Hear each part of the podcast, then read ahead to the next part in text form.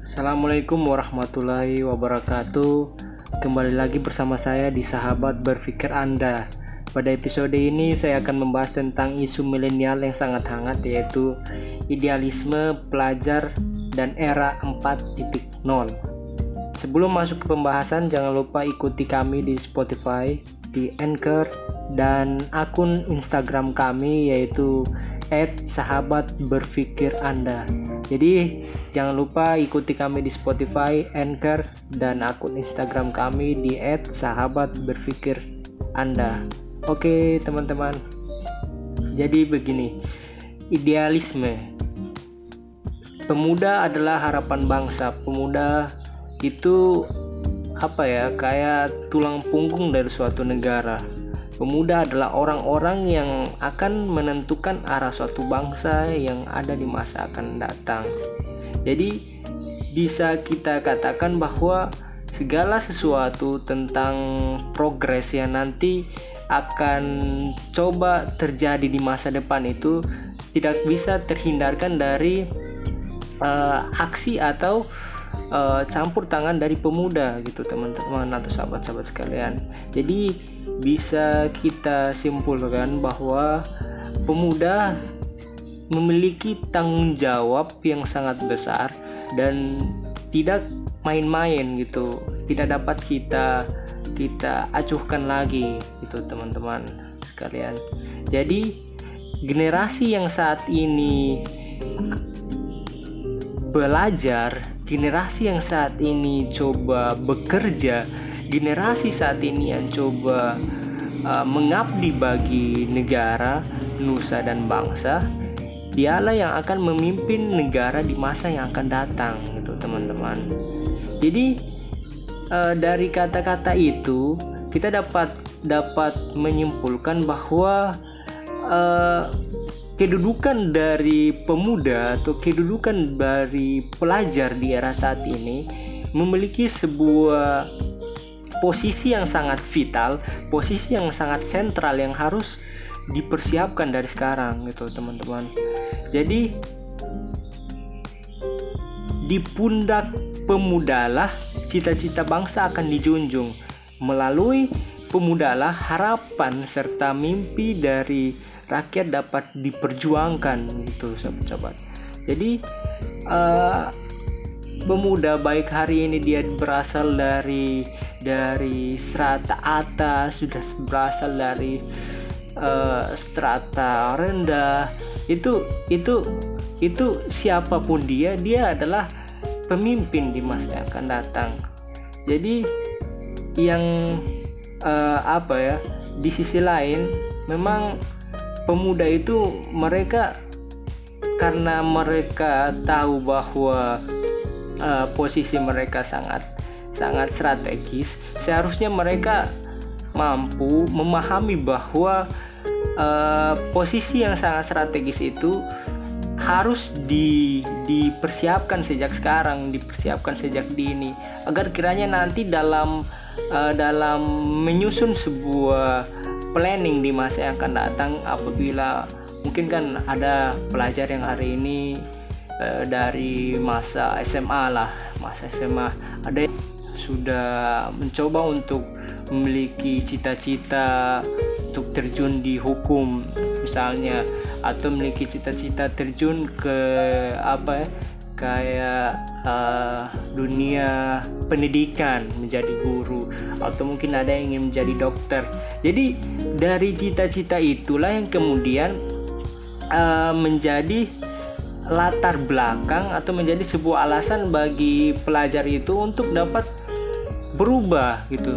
Dari yang sebelumnya pelajar itu bersikap apa ber, memiliki sifat konsumtif atau tidak memiliki sebuah konsisten atau komitmen akan cita-citanya maka dia akan uh, dapat yakin dan kita pastikan dia tidak dia tidak akan secepatnya untuk tercapai cita-citanya gitu.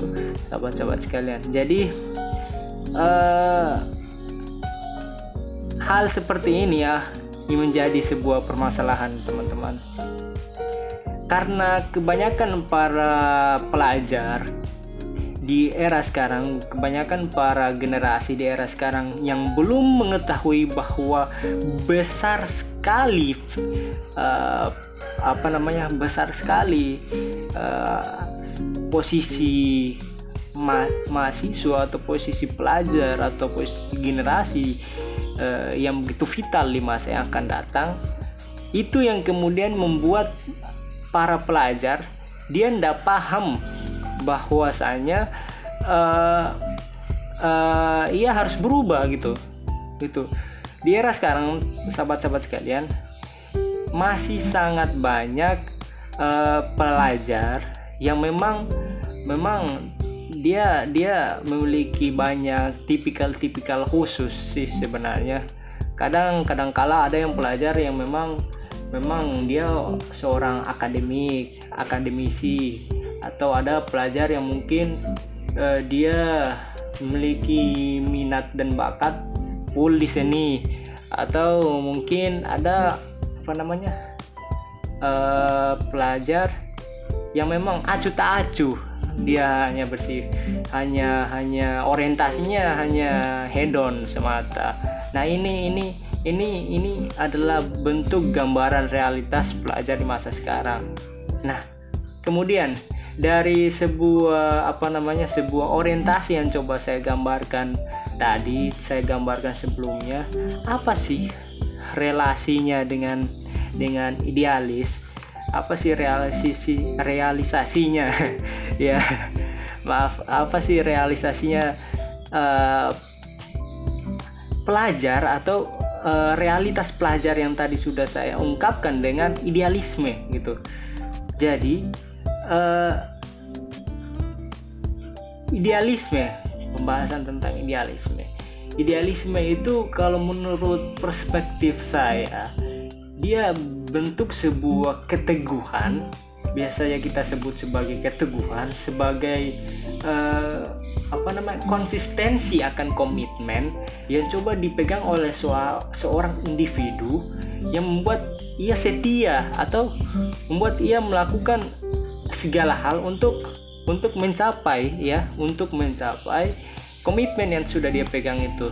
Jadi jadi relasi antara apa relasi antara idealisme dengan pelajar tadi.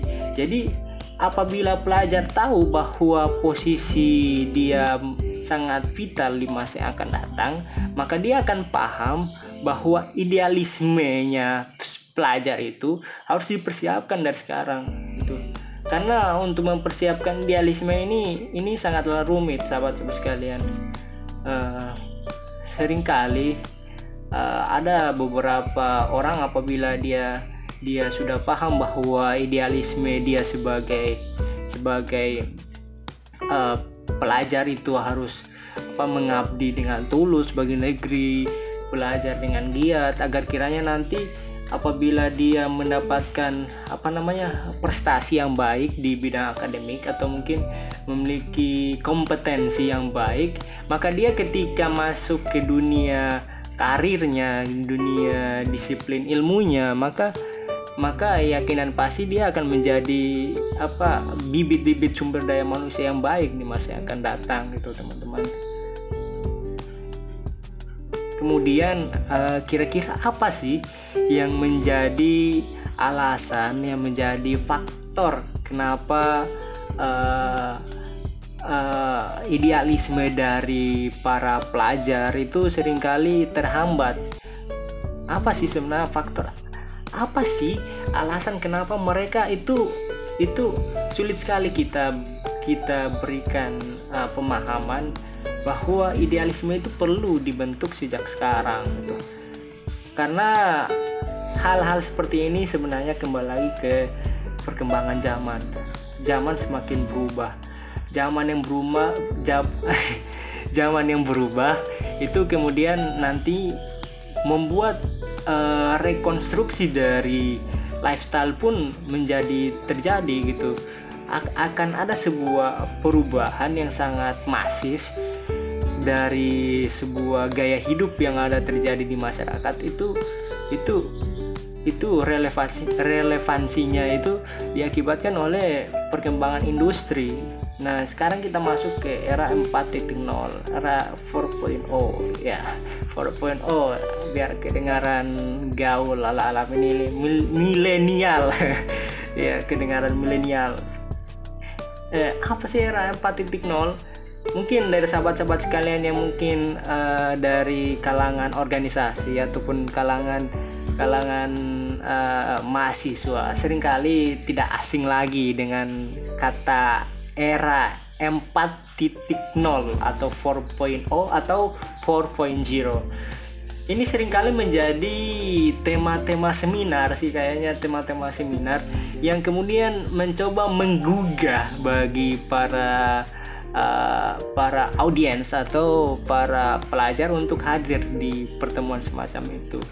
Nah, dengan masifnya penggunaan kata 4.0 itu itu yang kemudian kita harus sadari bahwa 4.0 itu seharusnya seharusnya uh, menjadi seharusnya juga sih menjadi sebuah apa menjadi sebuah tema yang memang sangat sentral juga untuk dibahas sih.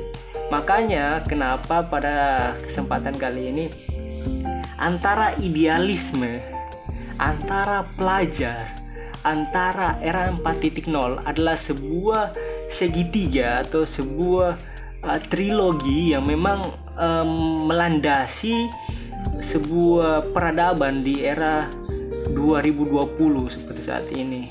Makanya kenapa timbul kemudian timbul pertanyaan, apakah dengan dengan dengan uh, kompleksitas masalah yang hadir tentang idealisme pelajar yang memang sangat sangat krusial seperti saat ini, kemudian uh, situasi atau realitas pelajar yang memang memang pah perlu kita benahi kemudian yang ketiga yaitu era 4.0 yang memberikan beragam konsekuensi yang kemudian nantinya akan merubah sebuah tataran mindset dari uh, masyarakat termasuk pelajar gitu.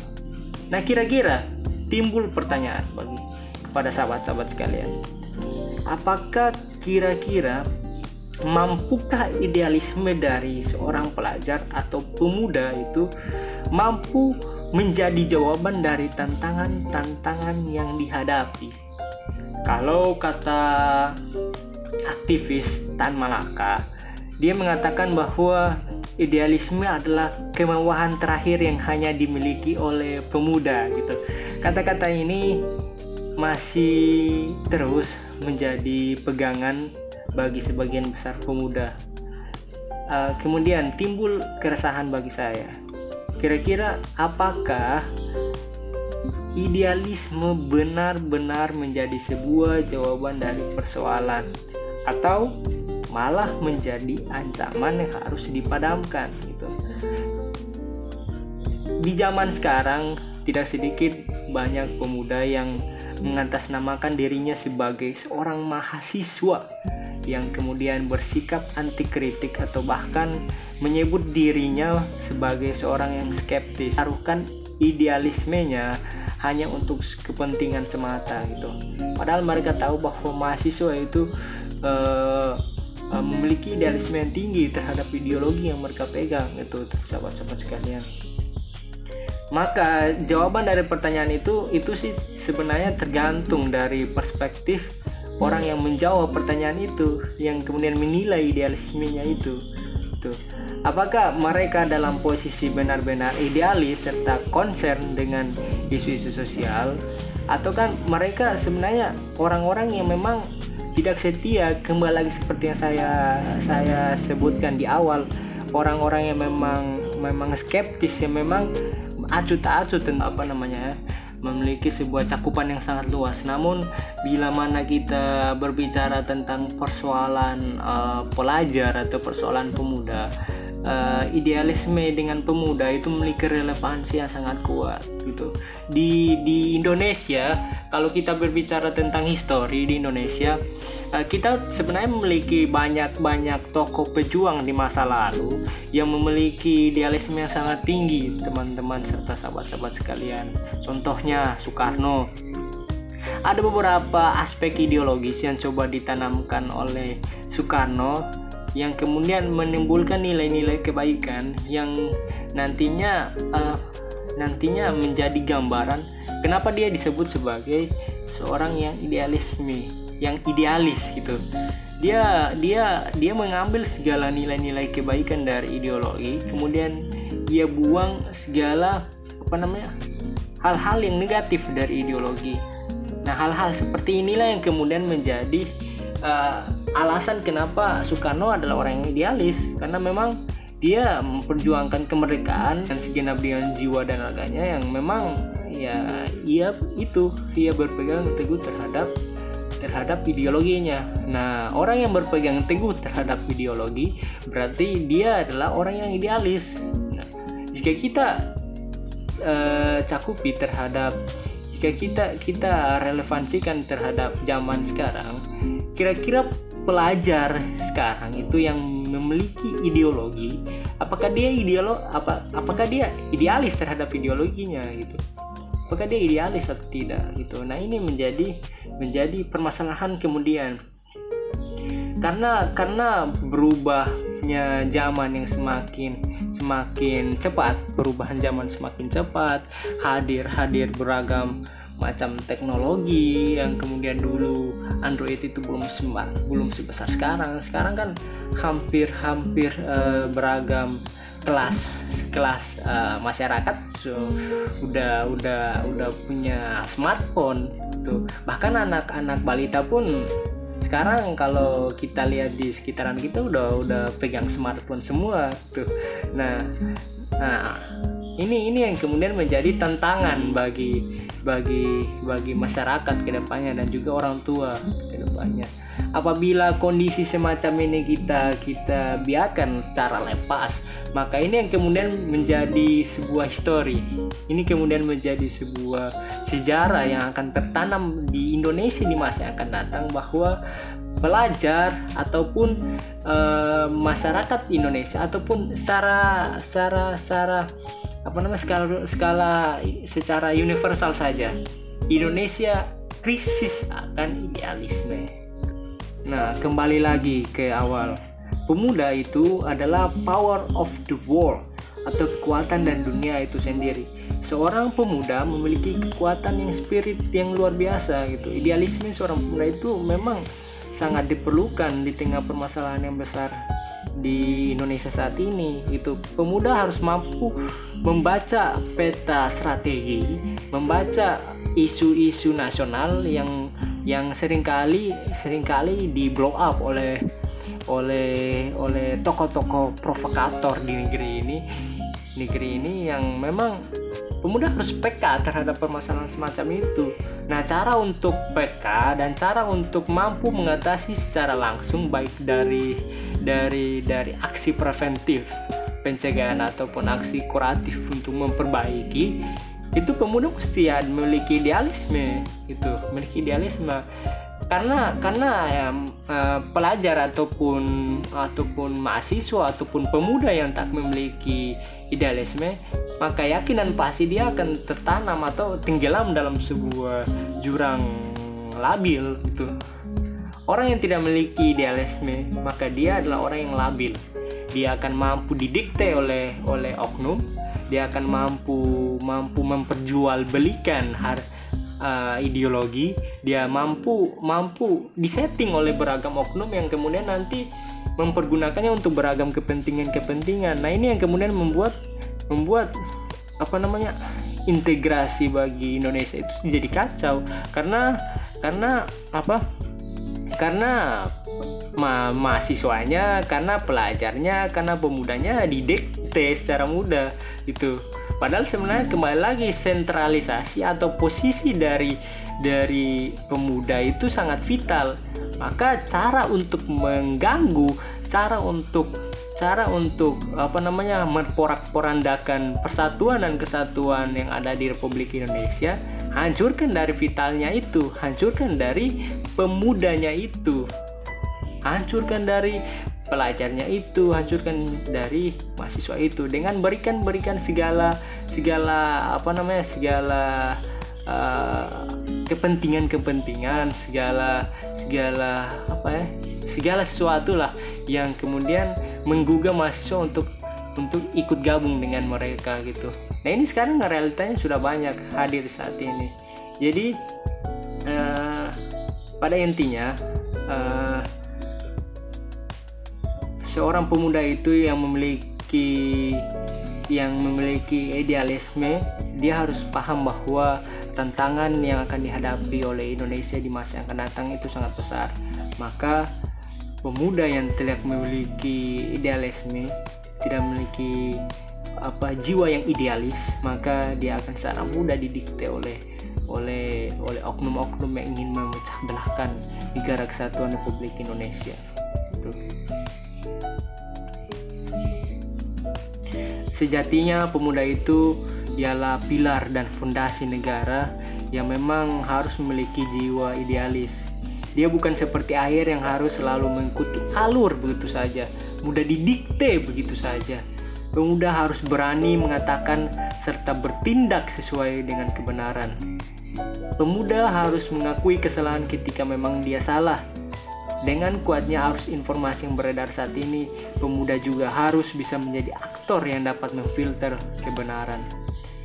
Kemudian, pemuda harus dapat menyatukan gagasan dari idealisme mereka untuk kepentingan negara, peduli, serta turut fenomena yang terjadi di masyarakat. Dengan idealisme masing-masing, pemuda harus tetap bersama-sama membangun serta memperjuangkan cita-cita bangsa.